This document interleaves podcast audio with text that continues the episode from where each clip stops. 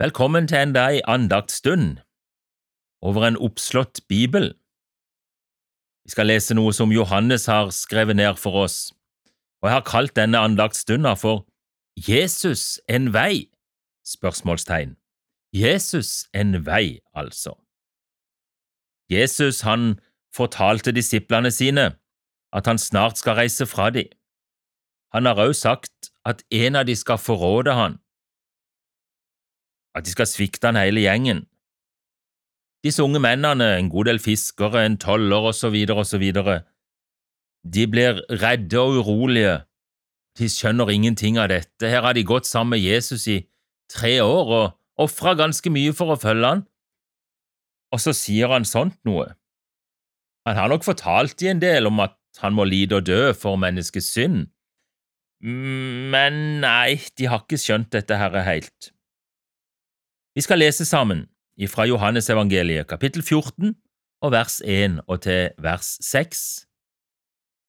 La ikke deres hjerte forferdes. Tro på Gud og tro på meg. I min fars hus er det mange rom. Var det ikke slik, da hadde jeg sagt dere det, for jeg går bort for å gjøre i stand et sted for dere. Og når jeg er gått bort og har gjort i stand et sted for dere, kommer jeg igjen og skal ta dere til meg for at også dere skal være der jeg er. Og dit jeg går, vet dere veien. Thomas sier til ham, Herre, vi vet ikke hvor du går hen, hvordan kan vi da vite veien? Jesus sier til ham, Jeg er veien og sannheten og livet. Ingen kommer til Faderen uten ved meg. Amen. Jesus forklarer at han går for å lage et sted for de og for alle Jesu disipler, for de som levde da, og for de som lever i dag. Når stedet er gjort ferdig, så vil Jesus komme tilbake og ta med alle disiplene til det nye stedet han har gjort ferdig. Vi kaller det himmelen, og vi snakker om en ny himmel og en ny jord der rettferdighet bor. Thomas, den ærlige, flotte Thomas, som sa det han tenkte, kanskje litt raskere enn han burde, men han sa det iallfall, han skjulte det ikke. Han sa, Herre, vi vet ikke hvor du går hen. Ja, men åssen kan vi da vite veien, Jesus? Flott, Thomas. La oss ta lærdom av Thomas. La oss si det til Gud, la oss si det til Jesus, la oss si det til hverandre når det er noe vi ikke forstår om dette med tro, med Jesus og med livet sammen med Jesus. Da sier Jesus at det er Han som er veien, sannheten og livet. I mange år så lurte jeg fælt på det med sannheten skjønte jeg litt av, det med livet har jeg òg skjønt litt av.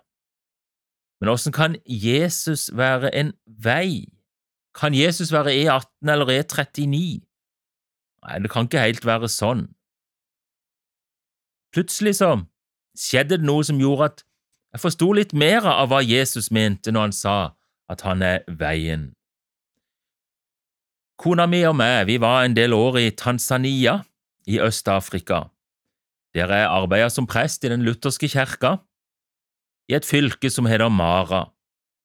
Jeg jobba mye ute i landsbyer som ikke alltid var tilgjengelige, selv med en bil som hadde firehjulstrekk. Det kunne være bilturer på svært dårlige veier, og av og til så måtte vi til og med gå en time eller oppimot to timer, er vel det meste jeg har vært med å gå. Og det, Sånn var det den dagen vi skulle ha en gudstjeneste. Vi begynte å gå langs en kjerrevei der vi hadde parkert bilen. Kjerreveien krympa, den blei til en sti.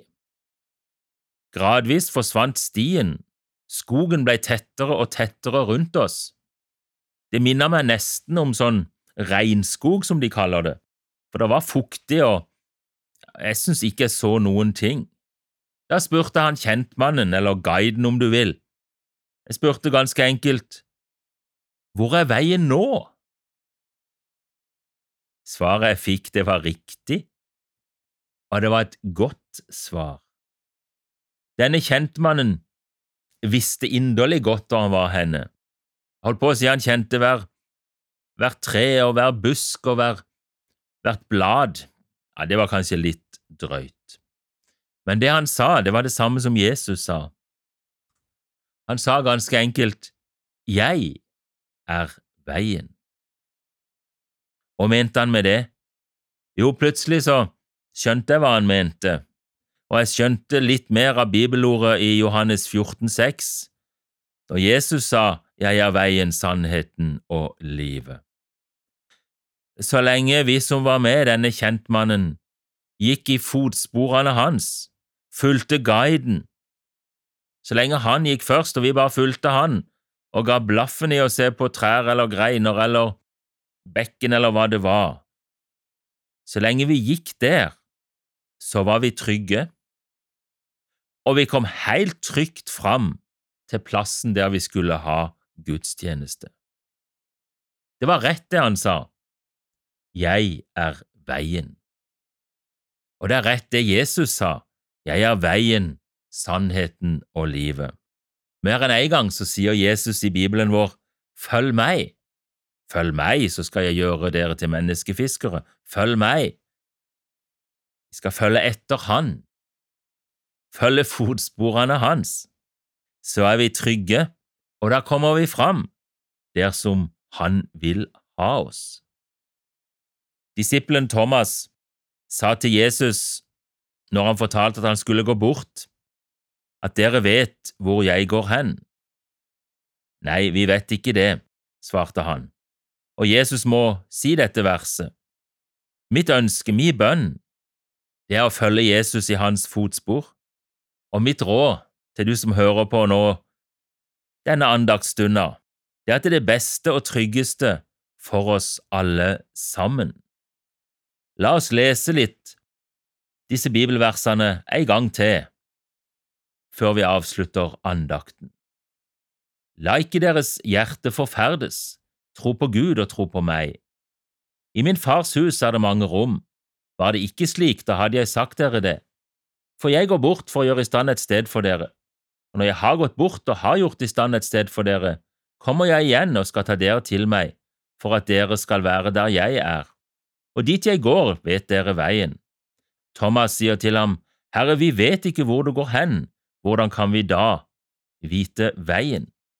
Jesus sier til ham, Jeg er veien, sannheten og livet. Ingen kommer til Faderen uten ved meg. Takk, Jesus, for at du er veien, du er sannheten og du er livet. Og vi er trygge når vi følger i dine fotspor. Amen. Du har lytta til Over en åpen bibel ved Egil Grindland. Serien produseres av Norea Mediemisjon. Les mer om oss på nettsida vår norea.no.